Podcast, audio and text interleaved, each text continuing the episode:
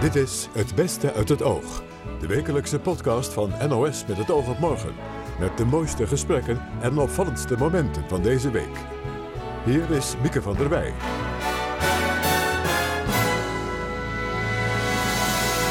Ja, daar is weer een nieuwe Beste uit het Oog.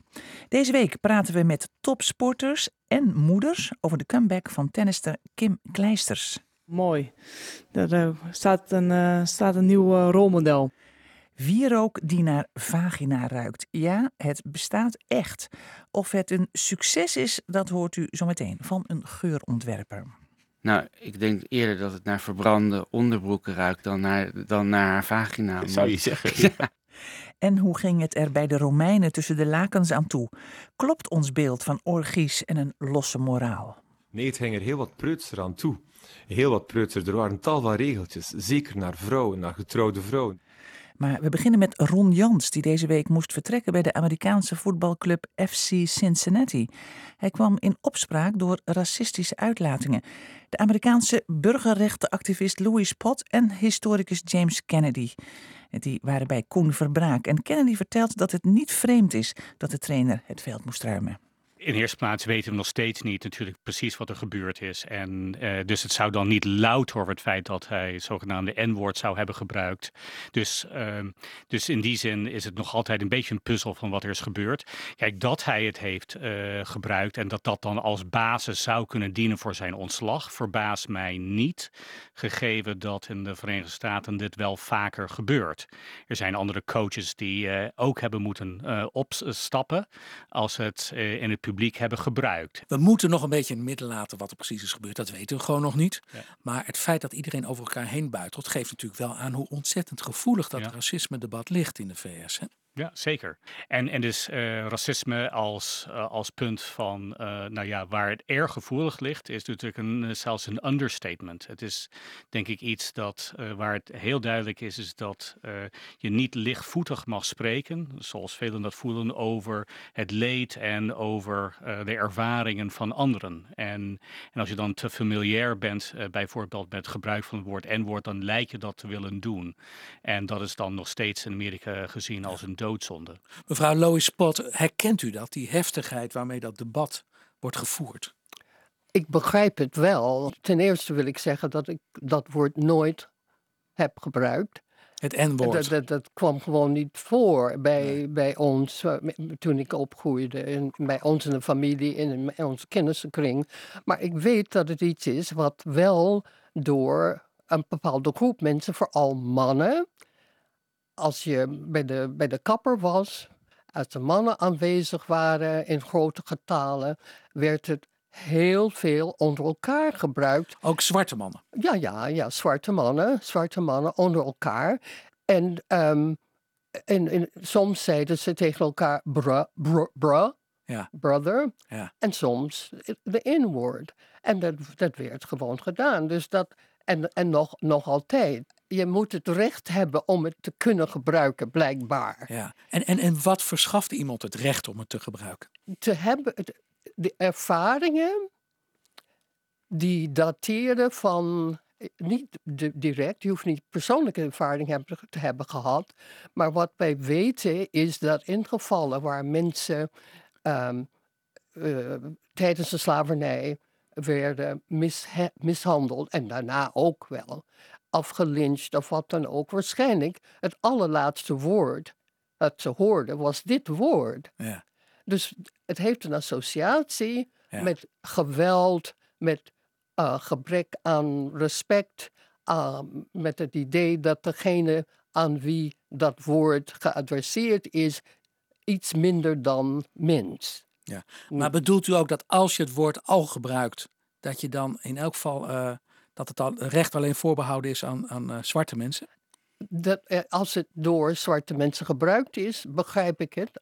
En, en dan is het bedoeld als een, een soort van um, broederschapsteken. Ja. Uh, van, van, van wij begrijpen elkaar. Ja. Ja. Meneer Kennedy, kan het ook zijn dat dat uh, Jon, uh, Ron Jans gewoon aan een, aan een goede antenne ontbroken heeft? Nou ja, ik, dat zal. Uh, ik denk niet dat hij dat zal ontkennen. Zo lijkt het. Ik ben naïef geweest. Dus, ik, dus ja. ik denk. Het gaat niet speciaal om Ron Jans, maar gewoon. Hè, nou, dat... deels is het denk ik dat. Nou, Kijk, er is natuurlijk een verschil daarin, eh, nog steeds tussen de Verenigde Staten eh, en, en Nederland. En, en zeker heb ik er ervaren als, uh, als Amerikaan dat, ja, dat Nederlanders denken van, ja, ik mag hier wel overal uh, over spreken en ik mag hier gewoon wel grapjes over maken of ik mag hier open over zijn. Dat moet toch allemaal kunnen. En dat is denk ik ook een cultureel trekje van uh, Nederlanders ja. en niet alleen van Ron Jans. en dat heeft ook in het buitenland wel, wel eens problemen voor ze ook uh, veroorzaakt. Ja. En dus niet alleen hier. Ja. Er is wel in die zin, ja, er is een andere houding tegenover deze ding. En voor, in, voor Amerikanen als geheel is taal en symbool heel erg belangrijk in ja. hoe hun democratie wordt beleefd. En taal doet ertoe. Uh, en je moet er voor Meer dan hier. Meer words, dan hier. Words matter. Words matter. En, en, en u merkt dat ook, dat het anders is in Nederland, mevrouw Pot? Ik denk dat een van de punten is dat je te maken hebt. Ik geloof dat in het geval van, van deze man. Hij heeft gehandeld met hele goede bedoelingen. Maar op de een of andere manier is het anders uitgepakt dan, dan wat dan bedoeld werd. En juist dan kan het misgaan. Ja, ja en dat kan misgaan als je, als je, als je niet echt de subtiliteiten aanvoelt ja. van de situatie ja. waar je in zit. Maar is intentie dan minder belangrijk dan taal? In dit geval is het jammer, maar dat is, het, is dat waar, ja, dat die intentie... Want dat woord gebruik je gewoon niet. Ja, dat, dat doe je gewoon niet. Nee. Maakt het dan uit of, of dat in de sport gebeurt? Gelden daar andere normen dan bijvoorbeeld in de wetenschap? Nee, ik, ik denk het niet. Uh, maar uh, het geeft wel aan. Dus ik bedoel, ik denk dat dezelfde problemen zullen zich daar voordoen. Maar ja, de. Het belang van sport, dat is een soort arena waarin Amerikanen naar kijken, naar gedrag en naar symbolen. Dat doet er extra toe. Ja. En dan krijgt het extra gewicht. En in de sport heb je natuurlijk ook nog grote sponsorcontracten, Precies. dat soort dingen. En deels heeft het hier ook wel te maken, waar zouden de sponsors hier aan hebben gedacht? En ik denk ook niet dat de leiding van een sportsteam wil dat, uh, dat, dat ze eigenlijk uh, opgezaald wordt met zo'n coach. Dus het heeft ook wel te maken met de belangen van, uh, niet alleen van wat past, maar krijgen we hier gedonder mee als we hier ja. niks mee doen. Je wil eigenlijk vooral uh, je eigen straat schoonhouden door ook wel uh, kordaat op te treden tegenover overtredingen van de, van de taal. En is de tijd ook helemaal anders geworden? Want was dit 30 jaar geleden ook zo hoog opgelopen, denkt u? Ik denk het niet. Nee? Niet. Nee, nee, niet zo sterk. Want, Meneer Kennedy? Ja, ik denk dat uh, alles is uh, verhoogd. Kijk, dit, dit, dit, zou ook wel een issue uh, kunnen zijn, 30 jaar geleden. In die zin leven we in dezelfde wereld, maar dat je, de, dit is wel nu meer onvergeeflijk, als het ware, ja. dan 30 jaar geleden. Niet zo op de spits gedreven. Ja, ja, nee, nee, nee. Tennister, sorry. Tennister Kim Kleisters maakte deze week haar comeback op de kampioenschappen in Dubai. Zeven jaar was de Belgische afwezig, omdat ze opnieuw moeder werd. Chris sprak met oud-voetbal international Daphne Koster en roeister Kirsten van der Kolk over hoe het is om na een zwangerschap terug te keren in de topsport. Het moment dat zij uh, uh, naar buiten bracht dat zij een comeback zou maken, dacht ja. ik wel mooi. Er uh, staat, een, staat een nieuw rolmodel. Oké, okay, en Kirsten ook? Ja, nee, ik volg sowieso tennis altijd wel. Dus ik vond het wel heel interessant. En ook omdat ze tegen Bertens zou spelen. Uh, dus ja, ik, ik uh, volg dat wel. Ik vind het wel interessante tijd. Ja, en uh, Daphne Koster, je zegt een nieuw rolmodel. Want is het, is het zo uitzonderlijk? Is er een rolmodel nodig wat dat betreft? Nou, kijk, het, de laatste, nou, wat zal het zijn, vijf, zes jaar gebeurt het, zie je het steeds meer. Estefana Polman, het zijn een aantal Amerikaanse voetbalsters die na een zwangerschap weer terugkeren. Ja. Nou, ik heb het zelf gedaan, Kirsten heeft het gedaan. Zeker, ja. Um, dus, maar het is wel nog steeds, tenminste in, uh, op het moment dat ik het deed, uh, merkte ik nog wel dat mijn omgeving het niet verwachtte dat ik terug zou komen na een zwangerschap. En ik denk dat er, uh, hoe meer vrouwen er zijn die dat doen, des te normaler het, het wordt. En dat ook steeds meer vrouwen het durven ja. om, om dat gevecht aan te gaan. Nee, en jullie hebben inderdaad allebei bewezen dat het kan. Jij, jij werd met Ajax landskampioen. En Kirsten, jij won goud op de Spelen van Athene in 2008. Um, Beijing. Uh, oh, pardon, Beijing. Staat bij mij hier op Ja. papiertje Athene. Maar. Eh, en ik lees dat dan braaf voor. Ehm, hoe moeilijk was het eigenlijk? Waar liepen jullie tegenaan?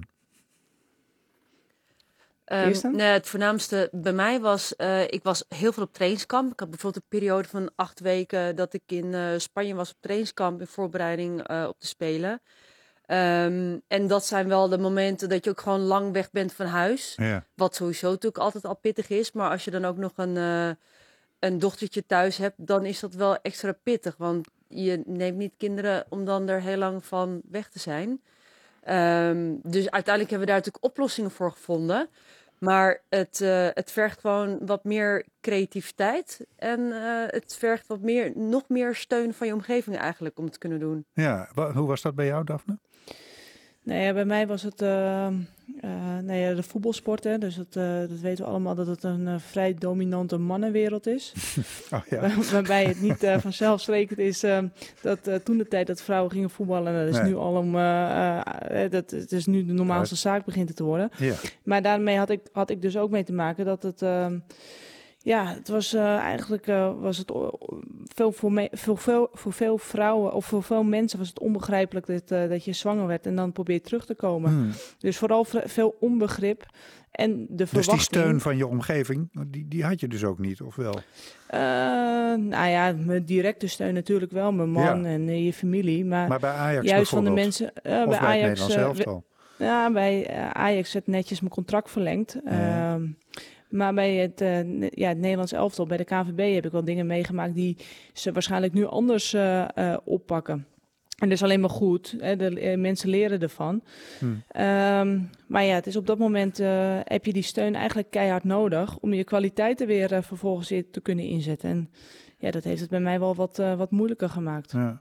Kirsten, hoe, hoe was het voor jouzelf eigenlijk toen je zwanger werd? Ehm, hoe, hoe, hoe logisch was het van begin af aan dat je terug zou proberen te komen in, in de topsport? Of dacht je zelf misschien ook wel, dit is het eind van mijn carrière? Ehm, ik dacht in eerste instantie wel dat dit is het einde. Nou, tenminste, je, je blijft nog wel eens een keertje heen en weer gaan eh, van eh, wel niet, wel niet. En dan, Mhm. ehm, maar eigenlijk was het vrij snel wel dat ik dacht, ehm, nou, dit, dit is, dit is eh, niet te doen. Ik heb toen, eh, toen ze net geboren was, wel eens geprobeerd te trainen in haar eh, als ze sliep. Maar ja, op zo'n moment dat je denkt, oh, vandaag ga ik trainen tijdens een slaapje, zul je altijd zien dat ze net die, dat moment niet gaat slapen. En eh, dat frustreert dan op een gegeven moment alleen maar meer. Ja, Ehm, dus is ook geen en bij mij is het te maken uiteindelijk. natuurlijk. Nee, nee, nee, dat is ook niet te doen. Nee. Ehm, dus bij mij is het uiteindelijk meer een ehm, ja, vanzelf proces geworden in plaats van een doelbewust ik moet en ik zal weer terugkomen. En ik Je denk ging dat gewoon weer mij steeds harder roeien.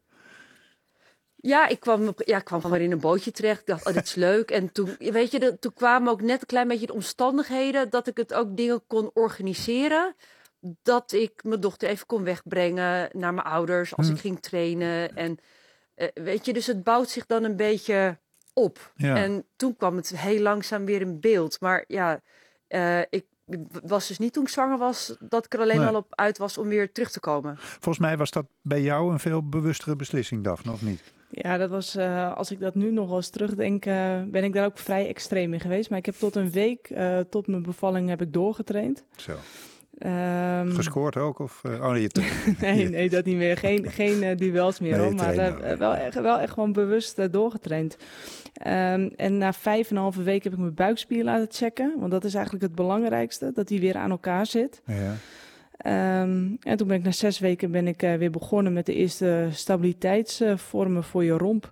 Ja. En eh, na drie maanden stond ik op het voetbalveld. Heb mijn eerste wedstrijdjes, mijn speelminuutjes weer gepakt. Ja. Maar volledig uit vorm. Want dat hoorde ik eh, Kim Kleisters ook eh, eh, aangeven. Dat vooral het gevoel en het ritme. En je ziet van alles. Alleen eh, op dat moment eh, kun je het gewoon nog niet. Je, Nee. je, je kunt nog niet eh, dat doen wat je, wat je ogen en wat je hersenen eh, registreren. Ja, en dat is gewoon het ontbreken van ritme, eh, te Ja. lang niet gedaan. eh, dat Ja, moet gewoon, dat Maar het tijd is zo, in je Ja. hoofd, en je hoofd Ja, is Kirsten? gewend Ja. bepaalde dingen te kunnen, maar je lijf doet niet wat je hoofd wil. Want wat Daphne net vertelt, moet ik opeens denken, ook in mijn voorbereiding, dat ik bepaalde intensievere trainingen ging doen. eh, eh, waar dan eh, mijn, coach dan bij ook kwam kijken. Mhm. En dat ik hyperventilerend van die ergometer, die roeimachine, afging.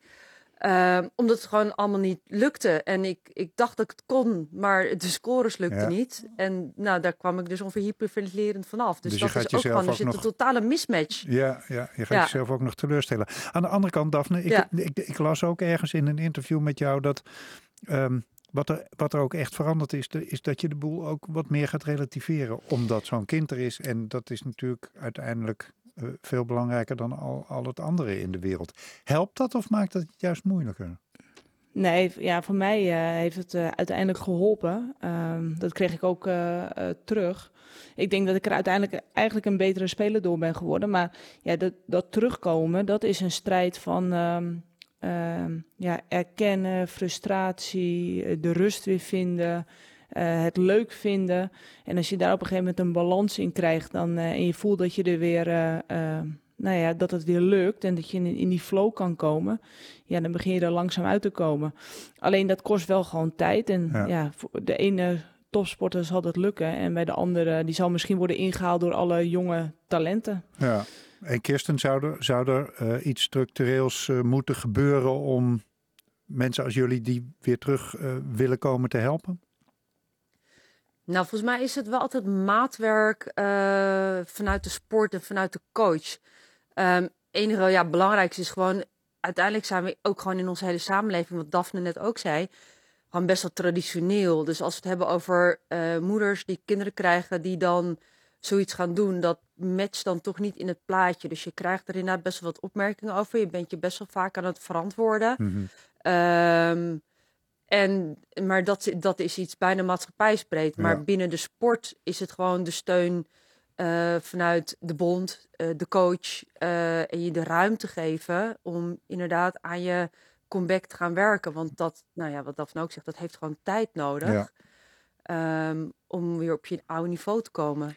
Goed nieuws dus voor alle vrouwelijke topatleten. Een kind krijgen staat een gouden medaille niet in de weg. Actrice Gwyneth Paltrow bracht al een geurkaas op de markt die naar haar vagina ruikt.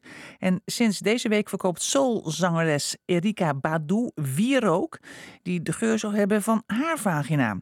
Hebben wij een trend te pakken? Geurontwerper Frank Bloem, what's in a name, kwam erover vertellen. Herman van der Zand zat met veel vragen. Om te beginnen, hoe maak je iets dat naar vagina ruikt? Bij Gwyneth Paltrow was het zo dat, de, dat die ontwerper, van die, die dan een, een kaars voor haar aan het ontwerpen was, een aantal voorbeelden aan haar liet ruiken. En dat zij toen zei, ah, dit ruikt naar vagina. En dat, dat het, het, het, liet het balletje aan het rollen deed, Ja. zette. Dus dat, dat het eigenlijk andersom was. Dat, dat er niet heel erg veel studie is gemaakt naar de geur van haar vagina, maar dat het eerder andersom was. Ja. En bij... Dat ze, dat ze mocht kiezen uit een aantal geuren en zei, dit komt wel het dichtst in de buurt. Nou, volgens mij was, waren ze er nog niet eens mee bezig dat het daarnaar zou gaan ruiken. Maar was het een spontane opwelling, zei ze, hé, hey, dat ruikt, Ja. dat ruikt ernaar. Dus Dat, dat kunnen we, want het, dan, dan wordt het natuurlijk gewoon marketing, uiteindelijk. dan, ja, en dan wordt het, het is, het is natuurlijk eigenlijk marketing allemaal. Want, oh, ja, ik weet niet bij, bij Badu, maar daar zit geloof ik wel echt... eh, eh, dus een, een, zegt ze zelf dat daar, dat daar extract in zit van, van onderbroeken van haar. Ja. Ehm, maar eh, het, het- ja, het komt natuurlijk al neer op marketing. We zitten er nu over te praten. Ja. Anders zaten we niet over te praten. Nee, dat klopt. Eh, Erica zegt, eh, het gaat dan over wierook. Hè? Dus dat is echt dan bedoeld. Ja, een geurkaars, die gaat natuurlijk ook geuren met wierook. Mm. En ze zegt, het is gemaakt van gebruikt ondergoed van mij. En dat hebben we opgeknipt en in brand gestoken. Is dat een handige manier om een geur ehm, voor elkaar te krijgen?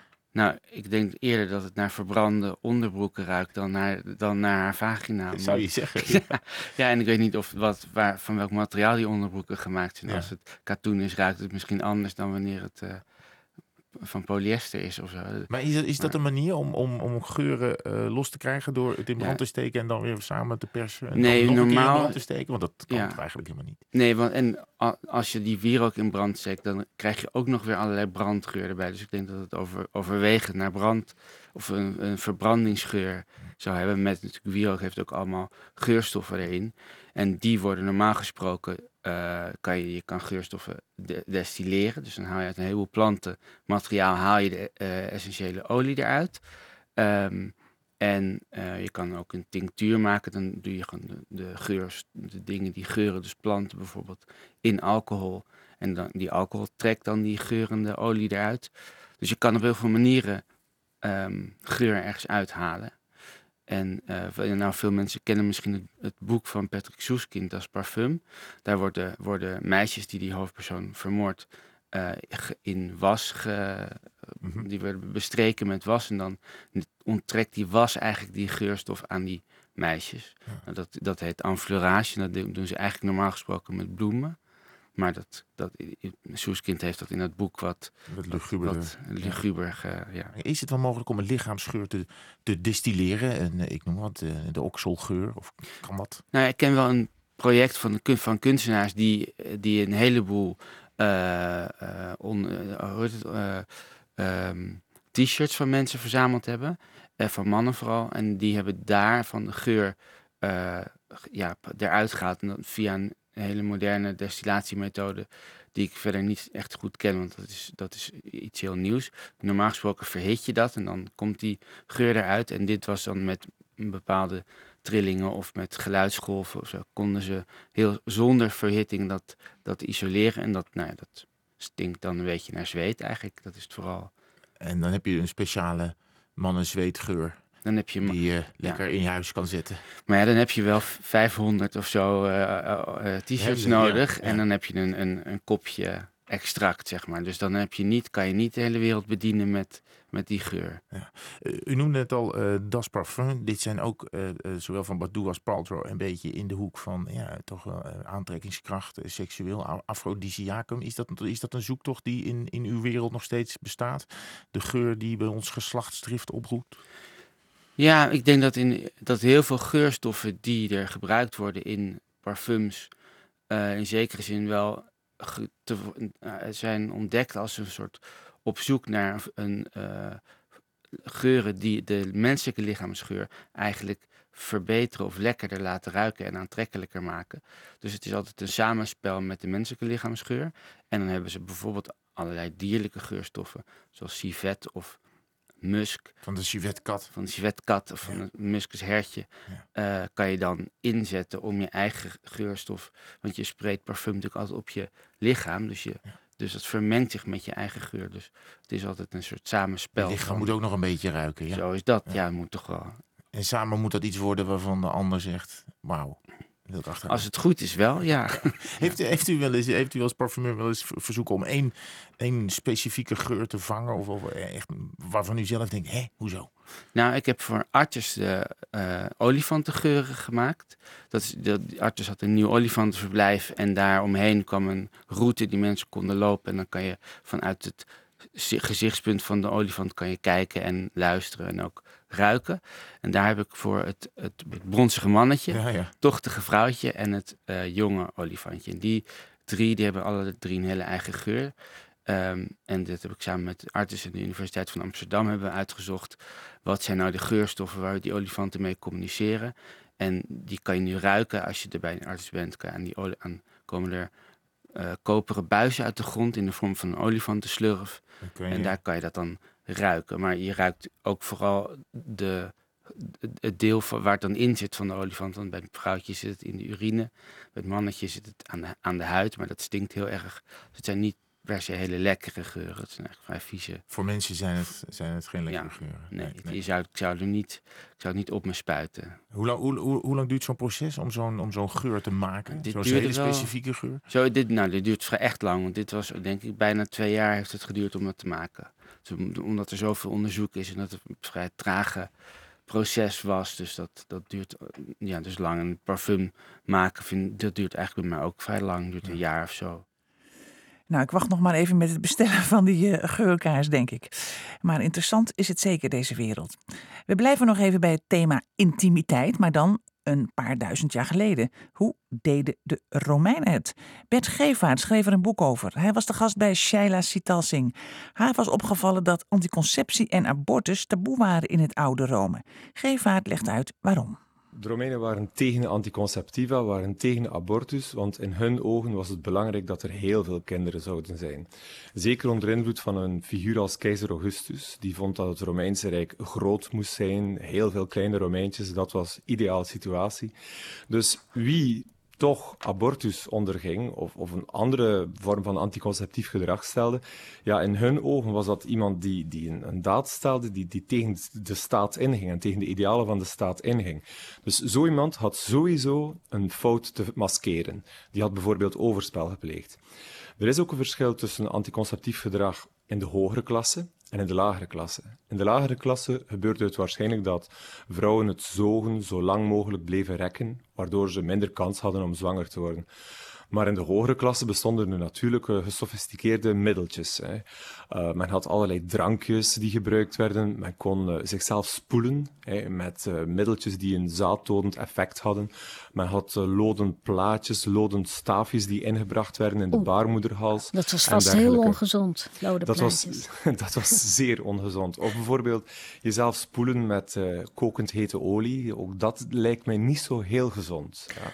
Nou, nou, nou, las ik in uw boek dat um, vrouwen zich ook konden wenden tot uh, castraten. Ja, ja, ja, absoluut, absoluut. Die waren heel populair. Uh, het gebeurde in het oude Rome dat mannen gecastreerd werden omwille van tal van doeleinden.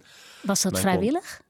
Nee, dat was zeker niet vrijwillig. Nu, er waren wel mannen die zich vrijwillig castreerden uit respect voor de godin Kybele, de grote moeder, de Magna Mater. En een van de elementen die ertoe hoorden dat je lid werd van deze cultus, van deze mysteriecultus, was zelfcastratie. En dit gebeurde in een religieuze extase. En dan castreerden mannen zichzelf en werden ze een gallus of een galla, een volgeling van Kybele. Maar dat is een grote uitzondering. Die mannen werden bekeken als, als vreemde, ja, abjecte figuren. Maar daarnaast waren er ook echte sukkelaars in de oudheid die gecastreerd werden op jeugdige leeftijd. Officieel mocht het niet, maar het gebeurde toch. En men probeerde op die manier de, de jeugdige schoonheid van knaapjes te behouden. En, en hoe wanneer... ging dat er dan aan toe, dat castreren? Ja, had, moet ik me dat voorstellen? Ja, men had verschillende methoden. De, de brute methode, waarbij er echt iets werd weggesneden.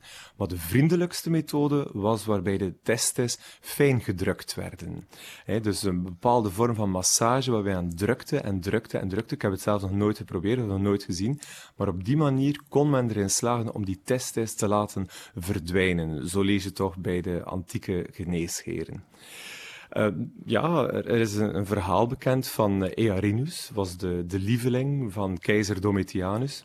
En die, die lieveling zou gecastreerd zijn zonder dat er ook maar iets van bloed aan te pas kwam. Dus het was een hele mooie castratie geweest. En daardoor had die Earinus zijn jeugdige schoonheid bewaard.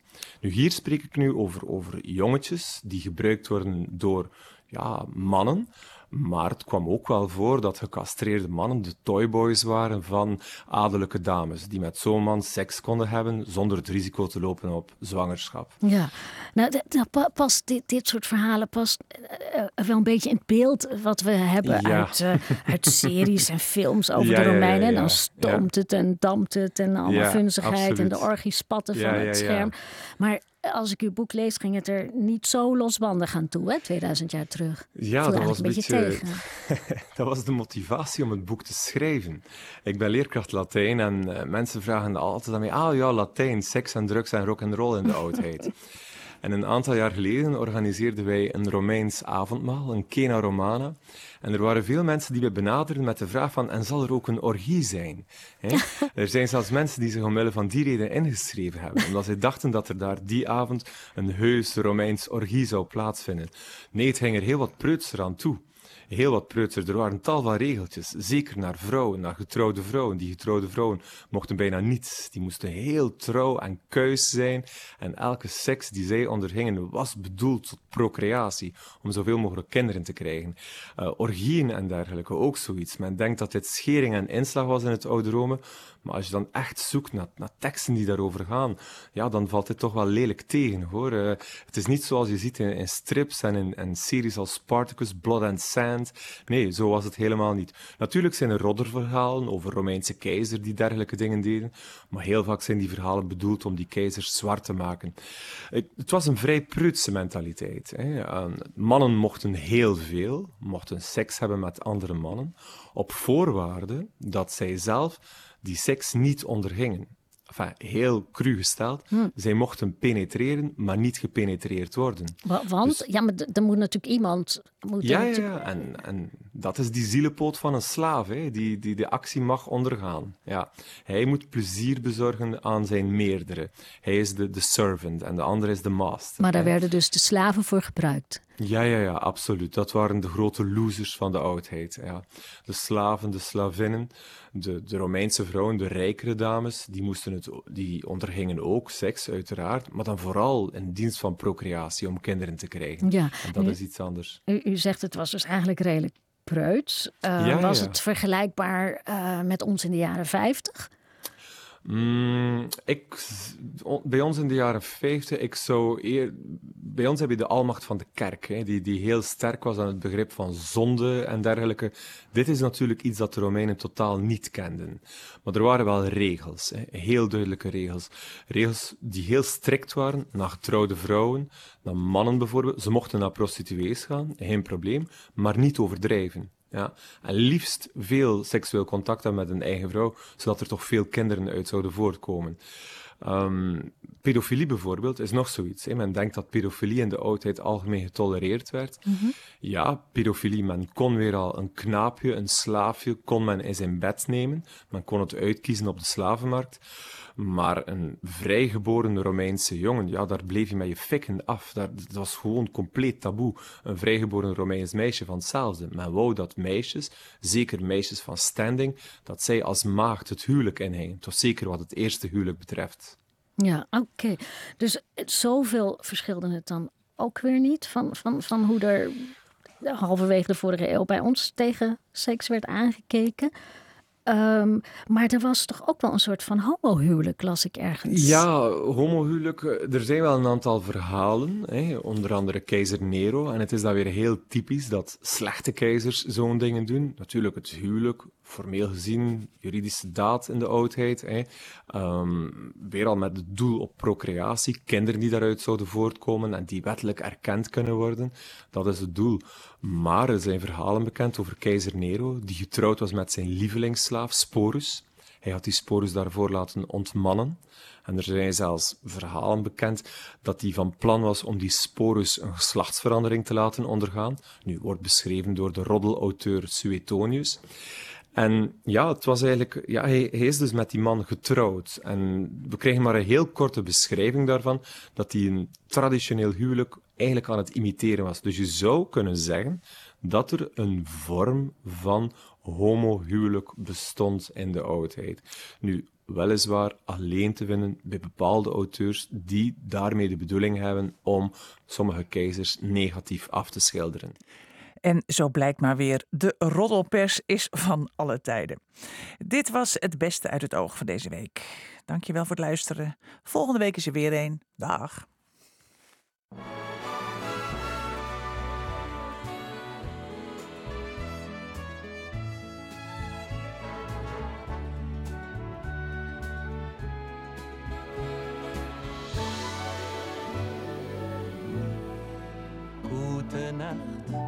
Freunde, es wird Zeit für mich zu gehen.